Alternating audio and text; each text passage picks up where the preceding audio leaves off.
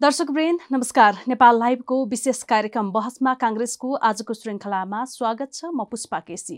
यो कार्यक्रममा हामी नेपाली काङ्ग्रेसको चौधौँ महाधिवेशनलाई केन्द्रमा राखेर विभिन्न सामग्री प्रस्तुत गर्दै आएका छौँ। नेपाली काङ्ग्रेसको नीति र नेतृत्वका विषयमा हुने बहस र महाधिवेशन केन्द्रित गतिविधि यो कार्यक्रमको प्राथमिकतामा पर्दै आएका छन्। यसै क्रममा आज हामी नेपाली काङ्ग्रेसकी युवा नेता विनिता अधिकारीसँग कुराकानी गर्दैछौँ। स्वागत छ। धन्यवाद। सन्चै हुनुहुन्छ। सन्चै छु। चौधौँ महाधिवेशनको मिति तोकिए पनि अब हुने नहुने अझै अनिश्चित जस्तै बनेको छ। हजुर। जिल्लातिरको तयारी के छ? दोलखातिरैबाट सुरु गरौँ न अब जिल्लातिरको तयारी राम्रै छ भन्नु पर्यो होइन? लगातार दोस्रो पटकसम्म महासमिति सदस्य महाधिवेशन प्रतिनिधि हुँदै हुँदै आइपुगेको कारणले अब जिल्लामा सबै काङ्ग्रेसका नेता कार्यकर्ताहरूले चिन्नु भएको कारणले चाहिँ राम्रै तयारी छ। बेला बेलामा जिल्ला जान्छु आवश्यक परेका कामहरू सबै गर्दै आएकी छु। यसकारण नराम्रो तयारी छैन। अब यसमा आफ्ना इच्छा आकाङ्क्षाको कुरा पनि हुन्छ होइन? शुभेच्छुक संस्था समन्वय विभागको सचिव पिके क्याम्पसको पूर्व सोभि सभापति। भइसक्नु भएको त्यसै गरी दोलखा प्रदेश सभा उम्मेद्वार पनि बनिसक्नु भएको र महासमिति सदस्यसम्म पनि बनिसक्नु भएको छ अबको तयारी के हो तपाईँको? अबको तयारी त साँच्चै भन्ने हो भने सबै पृष्ठभूमि हेरि हेरिसक्दाखेरि इतिहास हेरिसक्दाखेरि अब केन्द्रीय सदस्यको दावेदारै हो। तर केन्द्रीय सदस्यको दावा गर्नुभन्दा अगाडि हामीले महासमिति सदस्य जितेर आउनुपर्छ। त्यो मात्रै पनि होइन कुनै टिममा नफरिकन चुनाव जित्न अत्यन्त असजिलो हुन्छ मैले भनेको चाहिँ अनुकूल वातावरण तयार भएन भने। चुनाव जित्न असजिलो हुन्छ चुनाव लड्नका लागि लड्ने भन्दा जित्नका लागि चुन चुनाव जित्नुपर्छ भन्ने मेरो विचार भएको कारणले चाहिँ केन्द्रीय सदस्यको दावेदार भए पनि मैले अहिलेसम्म काहीँ कतै उद्घोष गरेको छैन र अहिले चाहिँ नेपाल लाइभ मार्फत पहिलोचट पहिलोचोटि म केन्द्रीय सदस्यको दावेदार हुँ भनेर भनेकी छु। त्यति मात्रै तयारी हो केन्द्रीय सदस्यको लागि भनेर त्यस्तो खासै तयारी गरेको छैन हामी के कुरामा विश्वास गर्छौँ भने हामीले जुन नेपाली काङ्ग्रेसका लागि संस्थाका लागि र राष्ट्रियताका सवालमा जुन पसिना जुन रगत सिन्चित गरेको छ नि।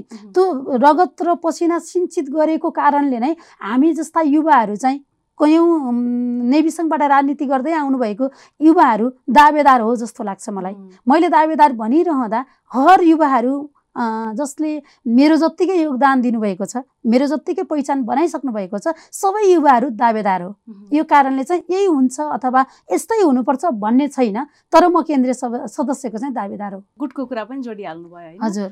गुट बिना चाहिँ मैले पार्टीमा राजनीति गर्न गाह्रो छ? यस्तो छ मैले गुट भन्नाले जस्तै सभापतिको त एक वा दुईजना अथवा तिनजनासम्म उम्मेदवारहरू हुनुहुन्छ नि त. दुई वा तिनजना दुई वा दुईभन्दा बढी उम्मेदवारहरू हुने अवस्था छ नि त देखिएको छ सिनारियो होइन?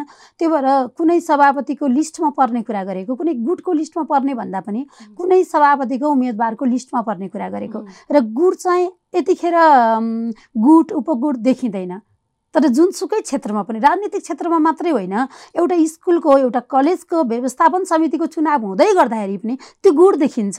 कसलाई बनाउने व्यवस्थापन समितिको अध्यक्ष भनेर गुड देखिन्छ भने त्यो महाधिवेशनमा निर्वाचनको मैदानमा आएर गुड देखिनु सभापतिको उम्मेदवारलाई चुज गर्नु सभापतिको उम्मेदवारको पक्षमा नारा लगाउनु कुनै ठुलो कुरा हो जस्तो लाग्दैन। नेपाली काङ्ग्रेसको हकमा बाहिर जुन प्रचार छ नि गुटको बारेमा उपगुटको बारेमा त्यो गुट त्यो उपगुटको हामीले अनुभव गरेका छैनौँ। मैले खुलेर कुरा गर्नुपर्छ। एक दुईजना मान्छेले गुट उपगुटको नारा लगाएर हिँड्नुभयो होला। तर सबै नेपाली काङ्ग्रेसका आम कार्यकर्ता नेताहरूले गुट उपगुट भनेर छुट्याउनु भएको छैन।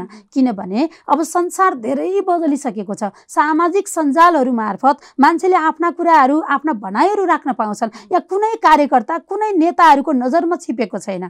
तर पनि जब निर्वाचनका परिणामहरू आउँछन् त्यसो बेला चाहिँ अझ बढी चर्चा हुन्छ। होइन? त त हुनै पर्यो। महाधिवेशनको सङ्घारमा आफ्नो उम्मेदवारको चर्चा नगरे कसको उम्मेदवारको गर्नु त होइन र। कि त सर्वसम्मत भएर आउनु पर्यो? जिल्लामै पार्टी सभापतिमा उम्मेदवारहरू चयन गर्छौँ। गोप्य मतदान गरे पनि आफ्नो उम्मेदवार त आफ्नै हुन्छ नि त जति खोजेको जस्तो। अरू अरू निर्वाचनको जस्तो प्रतिनिधि सभा होस् स्थानीय तहको होस् प्रदेश सभाको होस् त्यति बेला जब हार्नुहुन्छ यो चाहिँ गुटगत प्रवृत्तिका कारण काङ्ग्रेसभित्र गुटको नराम्रो अभ्यास भएका कारण एकले अर्कोलाई हरायो त्यो। चाहिँ कस्तो हुन्छ भने जस्तै होइन गुटको महसुस कम गरेका छौँ भन्न खोजेको। जति मिडियाहरूले चर्चा गरिरहनु भएको छ त्यो अनुरूपको महसुस हामीले गरेको छैन हामी त एकदम डाइरेक्ट अभ्यास गरिरहेको मान्छे हो नि त आजबाट होइन बिस बाइस वर्ष अगाडिबाट राजनीतिको अभ्यास गरिरहेको नेपाली काङ्ग्रेस भनेर अभ्यास गरेको कारणले त्यत्रो भयङ्कर गुट उपगुटको अनुभव मैले गरेको छैन त्यो अनुभव बिल्कुलै पिकेको सभापति बन्ने बेलादेखि लिएर शुभेच्छुक संस्था समन्वय विभाग विभागको चाहिँ सदस्य सचिव बन्ने बेलादेखि लिएर प्रदेश सभाको उम्मेदवार बन्ने बेलासम्म पनि मैले त्यति धेरै गुटको उम्मेदवार गुटको चाहिने महसुस मैले गरेकी छैन जस्ताको तस्तै भन्नुपर्छ। गुटको महसुस मैले कतिखेर गर्ने हो भने निर्वाचनको मैदानमा लड्दै गर्दा। अनि अघि तपाईँ भन्दै हुनुहुन्थ्यो उम्मेदवारहरूले घात प्रतिघातको आरोप लगाउने गुटका प्रवृत्तिका कारणले चाहिँ हामीले हारेको भनेर भन्नुभएको छ नि। म चाहिँ जुन उम्मेदवारले आरोपी भनेर भन्छ नि आफ्नो कार्यकर्तालाई। म चाहिँ त्यो उम्मेदवारको कस्तो भने दूरदृष्टि नभएको उम्मेदवार भन्न चाहन्छु म। त्यो भन्न मन पराउँछु म। एउटा उम्मेदवारले सबै कार्यकर्ताहरूलाई सबै नेताहरूलाई समेटेर लैजानुपर्छ। चुनाव हारिसके पछाडि अर्कोलाई आरोप लगाएर त्यसको त्यो समस्याको समाधान हुन सक्दैन। त्यो स्ट्राटेजी त्यो रणनीति एउटा उम्मेदवारले अगाडि नै बनाउने हो। चुनाव हारिसके पछाडि आवेशमा आउने मान्छे राम्रो उम्मेदवार होइन। म त्यही भन्न चाहन्छु। तपाईँको त लामो राजनीतिक अनुभव पनि छ होइन? चौधौँ महाधिवेशनबाट धेरै नयाँ अनुहारहरू काङ्ग्रेसमा प्रवेश गर्ने आउँछन् र यो एउटा अहिलेको जुन स्ट्रक्चर छ काङ्ग्रेसको संरचना छ यसमा निकै ठुलो नेतृत्वमा पनि परिवर्तन हुन्छ भन्ने खालका आकलन पनि भइराखेका छन्। कसरी हेरिराख्नु भएको छ यसलाई? मैले एकदमै न मैले मिडियाहरूमा बोल्दा जहिले पनि सत्य तथ्य आफू पपुलर भएर बोल्ने भन्दा पनि जे छ काङ्ग्रेसभित्रको अवस्था त्यो मात्रै बोल्ने हो मैले होइन? मैले नेतृत्वमै परिवर्तन हुन सक्छ भन्ने आकलन चाहिँ कम गरेकी छु। सिनारीलाई काङ्ग्रेसको सिनारियो हेरेर। काङ्ग्रेसका शीर्षस्थ नेताहरूले बोलेका कुरा दोस्रो पुस्ताका नेताहरूले र तेस्रो पुस्ताका नेताहरूले समेत बोलेका कुराहरूले गर्दा भयङ्कर ठुलो परिवर्तन आउँछ भन्ने कुरामा म विश्वस्त छैन। म विश्वस्त छैन। यहाँभित्र हेरेर समीक्षा गरेर सबै गरिसक्दा समेत मैले नेतृत्व पहिलो पुस्ताबाट दोस्रो पुस्तामा जान्छ र भन्ने प्रश्न म जस्ता कार्यकर्ता सबैले उठाउन थालेका छन्। सबै कार्यकर्ताहरूमा शङ्का छ। किन शङ्का भएको भन्दाखेरि दोस्रो पुस्ता र तेस्रो पुस्ताको अनावश्यक लडाइँका कारणले। अनावश्यक लडाइँका कारणले चाहिँ हामीले त्यो शङ्का गरेका। जान्छ त पहिलो पुस्ताबाट दोस्रो पुस्तामा नेतृत्व। म त्यही शङ्का गर्दैछु। जान सक्ला त। म पनि शङ्का गरिरहेको छु र म कम विश्वास गरिरहेकी छु। पहिलो पुस्ताबाट दोस्रो पुस्तामा नेतृत्व जान सक्ने कुरामा म विश्वस्त छैन। किन छैन भने वातावरणहरू त्यो जुन काङ्ग्रेसको सिनारियो हेर्दैछु सबै काङ्ग्रेसका शीर्षस्थ नेता दोस्रो पुस्ताका नेता तेस्रो पुस्ताका नेताहरूका कुरा सुन्दैछु र अघिल्ला महाधिवेशनहरूमा जुन मैले अनुभव गरेँ नि त्यो अनुभवका कारणले जान सक्दैन कि भन्ने मेरो त्यो? जान पर्छ भन्ने होइन कि कसरी जानुपर्छ भनेर तर्क दिनुभयो अथवा त्यो अनुसारको वातावरण तयार पार्नुभयो भने न जाने हो। हामी युवा पुस्ता अथवा दोस्रो पुस्ता र तेस्रो पुस्ता जहाँको मह्म, होइन? जहाँको चाहिँ अडिने अनि पहिलो पुस्ता हट्नुपर्छ भनेर हट्छ त। अनि फेरि पहिलो पुस्ताले केही पनि गरेको छैन त के त्यो प्रश्न गर्न आवश्यक छैन त? यदि तेस्रो पुस्ताले दोस्रो पुस्तालाई सम्मान गर्दैन भने अथवा दोस्रो पुस्ताले पहिलो पुस्तालाई सम्मान गर्दैन भने तेस्रो पुस्ताले पनि त दोस्रो पुस्तालाई स्वीकार्दैन नि त। अनुशासनको खडेरी पर्दै जाँदा कहाँ को कतिखेर उछिट्टिने हो काङ्ग्रेसको महाधिवेशनमा म त भन्न सक्दिनँ। जस्ताको तस्तै बोले मैले। कसैलाई जोगाएर पनि बोल्नु छैन होइन? कसैलाई पपुलर पनि गराउनु छैन। मैले जे बुझेँ मैले जे देखेँ त्यही बोल्ने हो। त्यही बोलिरहेकी छु। तपाईँको अनुभूति के थियो? तेह्रौँ महाधिवेशनका सन्दर्भमा चाहिँ यहाँले अलिकति। तेह्रौँ महाधिवेशनमा त त्यही हो शेरबहाद दाई अथवा रामचन्द्र दाई मध्ये एकजना. पार्टी सभापति बन्नुहुन्छ भनेर हामीले आकलन गरेको हो. त्यही नै भएको हो। शेरबहाद दाई निर्वाचित पार्टी सभापति बन्नुभएको हो। त्यो कुरा सबैलाई थाहा छ होइन? आम कार्यकर्ताले आकलन गरेको कुरा त्यही हो. अहिले धेरैजना मान्छेहरूले नेतृत्व परिवर्तन होस् भनेर चाहनु भएको छ मैले मेरो अनुभवमा। मैले सुनेको अनुसार बाहिर बजारमा मात्रै होइन। धेरै नागरिकले पनि चाहेको अवस्था छ किनकि धेरै अहिले नेताहरू चाहिँ टेस्टेड भइसक्नु भयो त्यसैले. नयाँ आउनुपर्छ अनुहारहरू नयाँ एक थरी त्यो भनिरहनु भएको छ। होइन अर्को थरी चाहिँ टेस्टेड नेता मात्रै टेस्टेड नेता मात्रै भनिरहनु भएको छैन अनुभवी नेता. परिवारजित नेता र राष्ट्रलाई अन्तर्राष्ट्रिय स्तरलाई बुझ्ने नेता चाहियो भन्नेहरूको पनि जमात बढी नै छ.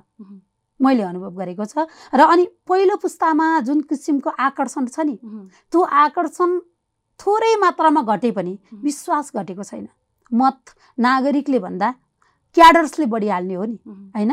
त्यो भएर आफ्नो पहिलो पुस्ताका नेताहरूका प्रति उत्तिकै विश्वास भएको हामीले अनुभव गरेका छौँ। तर एउटा कुरा चाहिँ के भन्नुपर्छ भने दोस्रो पुस्ताका नेताहरू युवा पुस्ताहरू उल्लेख्य सङ्ख्यामा केन्द्रमा छिर्दै हुनुहुन्छ यसपालिको महाधिवेशनले। त्यो चाहिने ऊर्जा चाहिँ थपेर ऊर्जालाई युवाहरूलाई केन्द्रमा पुर्याउँछ भन्ने विश्वास चाहिँ हामीले गरेका छौँ। पुग्नुपर्छ युवावर्ग केन्द्रमा त्यो हाम्रो शुभेच्छा रहेको छ। अब अलिकति महिलाको प्रसङ्ग पनि जोडौँ होइन? हजुर। अहिले जति महिला नेपाली काङ्ग्रेसको केन्द्रीय कमिटीमा हुनुहुन्छ उहाँहरूको आवाज सशक्त भएन होइन? अथवा गुटकै पछि लागेर चाहिँ उहाँहरूले जहाँ दा दाबी दिनुपर्ने हो कतिपय ठाउँहरूमा त्यसमा चाहिँ उहाँहरूको आवाज नसुनिएको नेतृत्वदायी अथवा दाबी पूर्ण भूमिका चाहिँ निर्वाह गर्न नसकेको भन्ने पनि आरोपहरू खेपिराख्नु परेको छ र उहाँहरूले पनि त्यो कुरालाई स्वीकार गरिराख्नु भएको अवस्था छ। यो अवस्थामा अबको महिलाको प्रतिनिधित्व कस्तो देख्नु भएको छ चौधौँ महाधिवेशनमा काङ्ग्रेसको? अब विधानले त महिलाहरूलाई उल्लेख्य सङ्ख्यामा पचास पचपन्नको हाराहारीमा केन्द्रमा पुर्याउँदैछ होइन? ठ्याक्कै अन्ठाउन्न भन्नुभयो तपाईँले। अन्ठाउन्नको अन्ठाउन्नजनालाई केन्द्रमा पुर्याउनु भनेको यो चाने चुने कुरा होइन।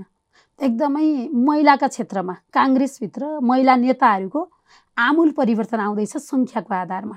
तर सङ्ख्याको आधारमा आमूल परिवर्तन आउँदा एउटा फाइदा हुन्छ पचास प्रतिशत फाइदा हुन्छ पचास प्रतिशत फलदायी हुन्छ हामीले खोजेको कुरा पचास प्रतिशत भेट्टाउँछौँ। तर सय प्रतिशत भेट्टाउनको लागि महिला सशक्त जुझारु भएर आउनुपर्छ। मैले भन्न खोजेको के हो भने कुनै पनि मिडियामा आएर विरोध गरिरहँदा दाईहरूको विरोध गरिरहने भाइहरूलाई पनि गाली गरिरहने होइन? तर बहिनीहरूलाई समेट्न नसक्ने दिदीहरूलाई सम्मान गर्न नसकिरहँदा त्यो चाहिने कस्तो हुन्छ भने क्वालिटी प्राप्त भएको नेतृत्व रहँदैन भन्ने मेरो विचार हो। त्यसैले म के आग्रह गर्दछु भने सङ्ख्यामा त हामी एकदम जुझारु छौँ नै अब्बल भयौँ नै। अब क्वालिटीमा पनि अब्बल भएर साहसमा आत्मनिर्भरतामा निर निरतामा पनि आत्मा ऊ बलियो भएर अगाडि बढ्नुपर्छ अब्बल भएर अगाडि बढ्नुपर्छ भन्ने मेरो विचार हो।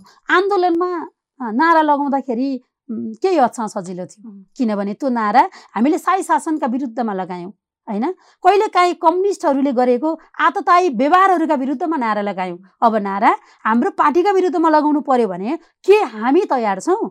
त्यो प्रश्न गरेर अगाडि बढ्नु पर्यो पार्टीले गरेका गलत कार्यहरूलाई गलत छ भन्नका लागि तयार छौँ। तपाईँहरू तयार हुनुहुन्छ हामी तयार छौँ। हाम्रो पुस्ता तयार छ। हाम्रो पुस्ता तयार छ र हाम्रो पुस्ताले पार्टीले देखाएको अलोकतान्त्रिक पद्ध पद्धतिका विरुद्धमा बोलेको छ बोल्छ। म त्यो प्रतिबद्धता व्यक्त गर्न चाहन्छु। मैले देशैभरिका दिदीहरूलाई बहिनीहरूलाई र साथीहरूलाई भनेको हामीले चाहिँ जुनसुकै नराम्रो पद्धतिका विरुद्धमा नीति कुसङ्गतिका विरुद्धमा नीतिका विपरीतमा भइरहेका कार्यहरूका विरुद्धमा बोलेनौँ भने अथवा आफू भन्दै गर्दा सबै अन्यायका विरुद्धमा आँखा चिम्लियौँ भने हामी कसरी सशक्त महिला नेता हुन सक्छौँ? यो मेरो प्रश्न हो।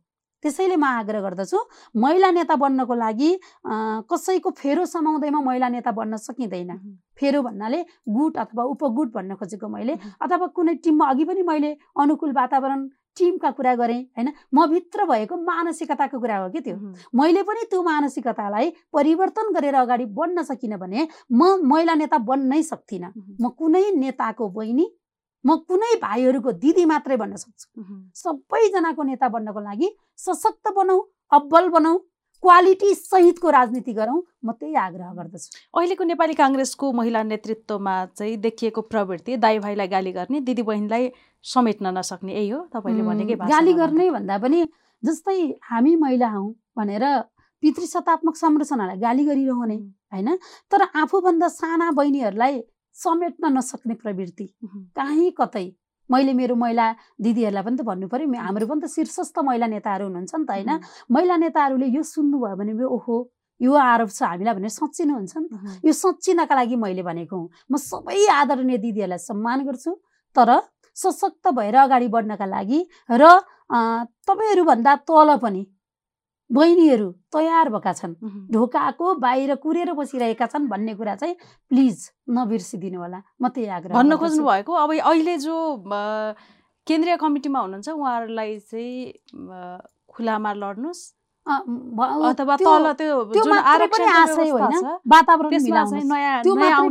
होइन। ठाउँ छोड्नुहोस्। तपाईँहरू जानुहोस् होइन मेरो आशय। हुन्छ तपाईँहरू जहाँको त्यहीँ बस्नुहोस्।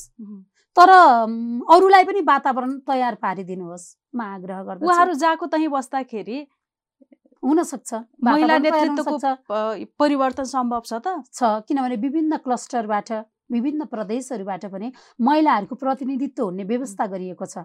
होइन त्यो भएर सबैलाई समेटेर जाँदाखेरि केही फरक पर्दैन सबैजना अटिने ठाउँ छ सबैजना अट्न सकिन्छ सबैलाई माया गरेर जाउँ सबैलाई सम्मान गरेर जाउँ तर आफ्नो जुन मौलिकता छ नि आफ्नो जुन अब्बलपन छ नि त्यो अब्बलपनलाई सुधार्दै तिखार्दै जाउँ भन्ने मात्रै मेरो आग्रह हो विभिन्न। सुझावहरू पनि आइराखेका छन् कि अब।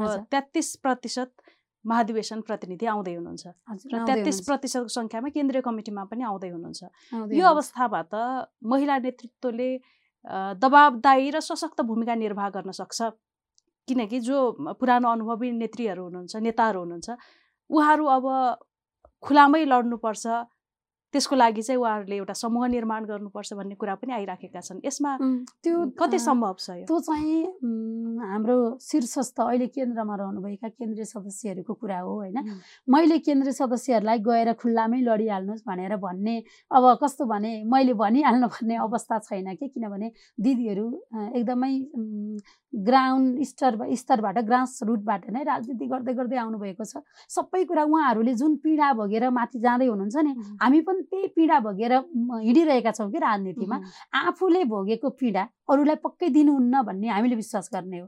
र हामी हाम्रा दिदीहरूसँग विश्वस्त छौँ त्यो कुरामा चाहिँ नै उम्। अब विभिन्न शुभेच्छुक संस्थाको कुरा गरौँ भातृ संस्थाको कुरा गरौँ सब निष्क्रिय जस्तै छन् होइन? अब भनौँ न म्यादै सकिएर बसिराखेको अवस्था छ। नेपाली काङ्ग्रेसकै अवस्था पनि त्यस्तै हुने बेला आइसक्यो अब।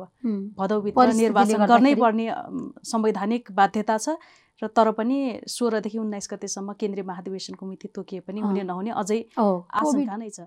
कोभिड पनि एउटा कारण मात्रै कारक तत्त्व होइन नि महाधिवेशन त्यो त चार वर्ष फेरि यस्तो छ। है कहिले काहीँ राष्ट्रियताको सवालमा उभिनु पर्दाखेरि काङ्ग्रेसले आफ्नो महाधिवेशन बिर्सिएको छ।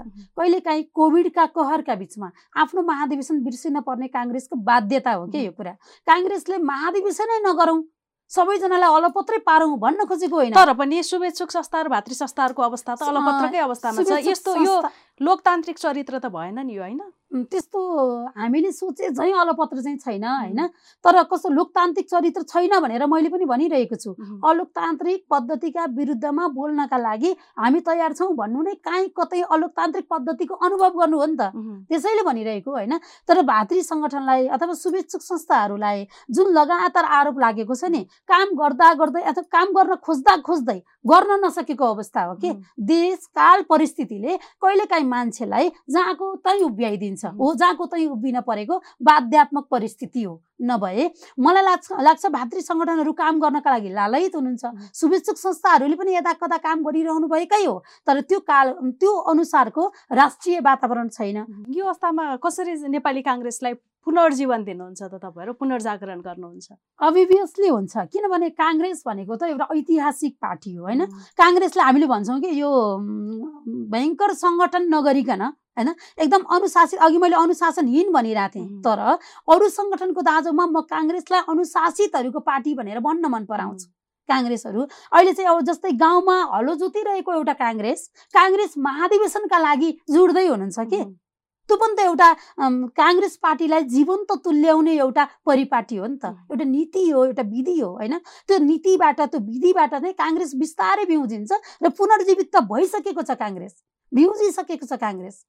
जीवन्त आफूलाई जीवन्त तुल्याइसकेको छ काङ्ग्रेसले। कतिपय गतिविधिहरूले भन्नुहोस् न तपाईँहरूले राष्ट्रियताको सवालमा सधैँ काङ्ग्रेसले आवाज उठाएको छ नि। त्यसकारण पनि काङ्ग्रेसका प्रति जनताहरू उभिन्छन् भन्ने हाम्रो विश्वास हो। अब यसमा त सरकारमा अहिले कङ्ग्रेस गएको छ र अब आउने निर्वाचनमा यसले काङ्ग्रेसलाई नै घाटाउने आकलनहरू पनि गरिराखेका. भइराखेको छ के. देख्नुहुन्छ तपाईँ अहिले सरकारमा काङ्ग्रेस जबरजस्ती गएको होइन. देशले तर अहिले राम्रो काम गर्न सकेन भने त त्यो कारण त्यही भनेर चाहिँ जनताले अहिले यस्तो पत्याउने नि, अवस्था अहिले त काङ्ग्रेस जबरजस्ती गएको होइन नि। होइन भोलि काङ्ग्रेसले राम्रो काम गर्न सकेन भने यही तर्कले त जनताले पत्याउने कुरा त होइन। तर्कले मात्रै होइन नि त. क्रियाकलापले पनि त पत्याउने हो नि त. अघिल्लो सरकारले देशलाई के दियो? जनतालाई कुन मारमा पार्यो? त्यो आवश्यक छैन त। त्यो जनताले समीक्षा गर्नुहुन्न होला। अब हामी विश्वास गरौँ न जनतालाई। अनि अहिले फेरि नेपाली काङ्ग्रेसका पार्टी सभापति प्रधानमन्त्री बन्नुभएको छ। आफ्नो इच्छाले बन्नुभएको होइन। म बन्दिनँ भनेर बन्नुभएको हो नि त। अदालतको परमादेशले प्रधानमन्त्री बन्नुभएको छ। राष्ट्रले मैले भन्न खोजेको कुरा अहिले नेपाली काङ्ग्रेसले सरकार चलाइराखेको अवस्था छ। हजुर। र केही अलिकति अलोकप्रिय काम गर्ने बित्तिकै त्यसको फाइदा अहिले प्रतिपक्षमा जुन पार्टी छ नेकपा एमाले उसले उठाउने र ती नराम्रा कामको प्रचार जनतामा गर्दाखेरि यसले काङ्ग्रेसलाई घाटा हुने हो कि भन्ने आशंका छ। नै काम गर्छ भन्ने के ग्यारेन्टी छ त?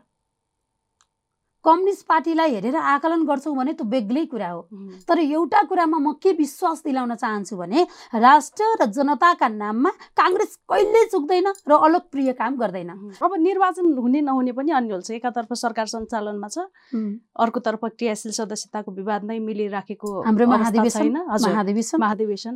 हुने कि। नहुने भन्ने आशंका छ? कसरी क्रियाशील? सदस्यताको विवादले भन्दा पनि कोभिडका कारणले हुने नहुने भन्ने कुरा चाहिँ क्रियाशील। सदस्यताको विवाद करिब करिब टुङ्गिसकेको छ। करिब करिब टुङ्गिसकेको छ। दुई चारवटा जिल्लाहरूमा विवाद हो होइन? त्यो अस्वाभाविक हो होइन? स्वाभाविक हो। सतहत्तरवटा जिल्लामा दुई चारवटा जिल्ला विवादमा फस्नु भनेको ठुलो कुरा पनि मानिँदैन होइन? धेरै जसो नब्बे प्रतिशत पन्चानब्बे प्रतिशत काम सम्पन्न भइसकेको छ। महाधिवेशनका लागि नेपाली काङ्ग्रेस तयार भइसकेको छ तर अस्ति भर्खरै हिजो प्लस टूको एक्जामहरू स्थगित गरिएको छ नि. होइन? त्यसका कारणले चाहिँ नि महाधिवेशन हुने हो कि होइन तोकेको समयमा भन्ने कुरामा चाहिँ आशंका पैदा भएको छ। हामी कार्यक्रमको अन्त्य अन्त्यतिर आइसकेका छौँ। अबको काङ्ग्रेसको नेतृत्व तपाईँ कस्तो चाहनुहुन्छ? कस्तो नेतृत्व आउनुपर्छ भन्ने तपाईँको अपेक्षा? पक्कै पनि म त सबल नेतृत्व अब्बल नेतृत्व चाहन्छु।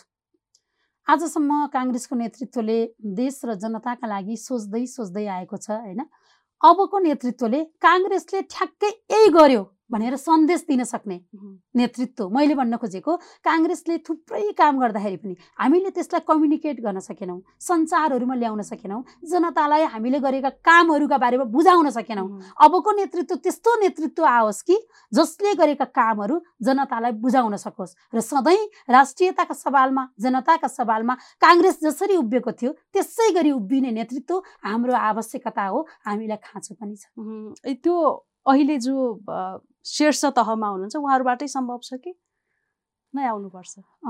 यस्तो है मैले अघि नै भनिसकेँ नि तपाईँलाई जस्तो मैले एकदम धेरै कुरा नगुमाइकन गफ गरेकी छु आज म होइन? किनभने यो म जुन सिनारियो हेर्दैछु पहिलो पुस्ताबाट दोस्रो पुस्तामा जान जाने सम्भावना बिचमा देखिएको थियो। फेरि अहिले त्यो ट्याक्कै युवा पुस्ताहरूले पार्टी सभापतिको एकजना काङ्ग्रेसका केन्द्रीय सदस्य कल्याण गुरुङ राईले गर्नुभएको तेस्रो पुस्ताबाट उद्घोष गर्नुभएको छ होइन? अरू नेताहरूले अनि त्यस पछाडि आएर उपसभापति आदरणीय दाजु विमलेन दाईले गर्नुभएको छ। अनि शेरबहाद दाई रामचन्द दाई ससाङ दाई शेखर दाई। होइन? सुजाता दिदी। अनि त्यसरी उद्घोष गर्नुभएको छ नि त। अनि मैले यो सिनारियो हेर्दाखेरि ट्याक्कै यही हुन्छ भन्ने मैले त्यो अड्कल गरिसकेको छैन। तर मैले अघि जे सोचिरहेको थिएँ नि मेरो अनुभव तपाईँलाई मैले बताइसकेको छु नि होइन? त्यही भएर ठ्याक्कै पहिलो पुस्ताबाट दोस्रो पुस्तामा नेतृत्व जान पनि हम्मे हम्मे पर्ला जस्तो लागिरहेछ। मैले अनुभव गर्दाखेरि मैले हेर्दाखेरि के कारण? के कारण होइन कि युवा पुस्ताले आफ्ना निमित्त उचित वातावरण बनाउन नसक्नुको कारण।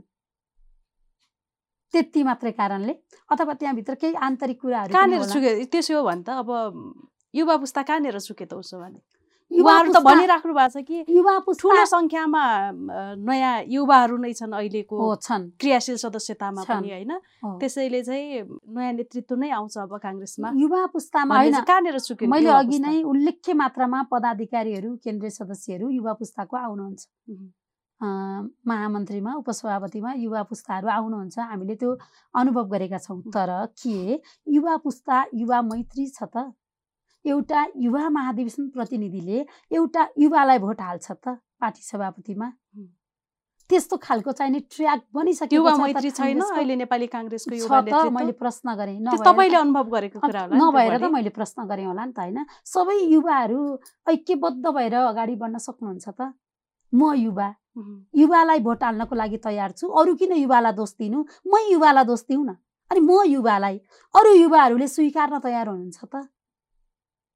तेस्रो पुस्ताको युवाहरूलाई पनि युवा नेताहरूलाई पनि मैले यही सोध्ने हो। अनि अहिले केन्द्रीय कार्य समितिमा रहनुभएका युवाहरूले त्यो अनुसारको परिमार्जित अथवा त्यो अनुसारको खारेर आफूलाई लैजानु भयो त?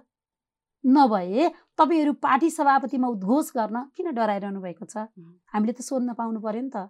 हाम्रो त हामी हाम्रो त मत हाल्ने अधिकार हो। चुनाव लडिएला आफ्नो ठाउँमा छ तर पहिला त मत हालिन्छ नि त आफ्नो पार्टी सभापतिमा।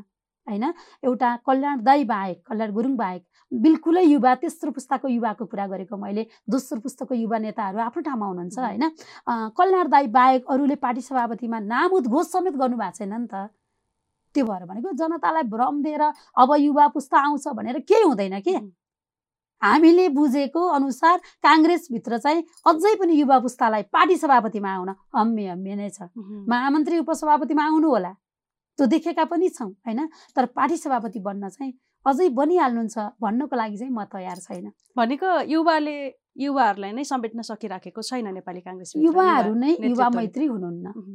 एउटा हुम्लाको युवालाई काठमाडौँको युवा अथवा विराटनगरको युवा अथवा तनहुको युवा अथवा जुनसुकै विराटनगरको युवाले समेट्नु भएको छ त। पार्टी सभापति बन्नका लागि युवा नेताले युवालाई नै समेट्नुपर्छ होइन त। यही प्रश्न हो मेरो युवा नेताहरूलाई। यो प्रश्नले मैले युवा नेताहरूको विरोध गरेको होइन जग जग्याको ऊर्जा दिएको जाग्नुहोस् न हो भनेको। त्यसो भए त तपाईँहरूलाई पनि चुनौती रहेछ। अभियसली पक्का अघि नै मैले भनेको छु अनुकूल वातावरण मैले त्यसै कारण भनेकी हुँ। अनुकूल वातावरण छैन काङ्ग्रेस ठुलो पार्टी हो ठुलो घरको ठुलो साङ्गा भनेको जस्तै बाहिर बसेर हेरिराख्ने कि अब लड्ने पनि होइन लड्ने? किन नलड्ने? लड्दै लड्दै आएको हो नि। न आमा नेता न बाउ नेता न हजुरबा नेता। लड्दै लड्दै लड्दै यहाँसम्म आएको न हो। हाम्रो त केही विकल्प छैन। लड्ने नै हो। लड्दै जाने हो। डेस्टिनेसनमा पुगिन्छ भन्ने विश्वास राख्ने हो। हुन्छ समय संवादको लागि धेरै धेरै धन्यवाद। धन्यवाद नेपाल लाइभलाई अनि तपाईँलाई पनि। दर्शक वृन्द नेपाल लाइभको बहसमा काङ्ग्रेसको आजको श्रृङ्खलामा हामीसँग हुनुहुन्थ्यो नेपाली काङ्ग्रेसकी युवा नेता विनिता अधिकारी। आजलाई यो कार्यक्रम यति नै। अर्को विषय र व्यक्तित्वका साथमा हामी उपस्थित हुने नै छौँ। नमस्कार।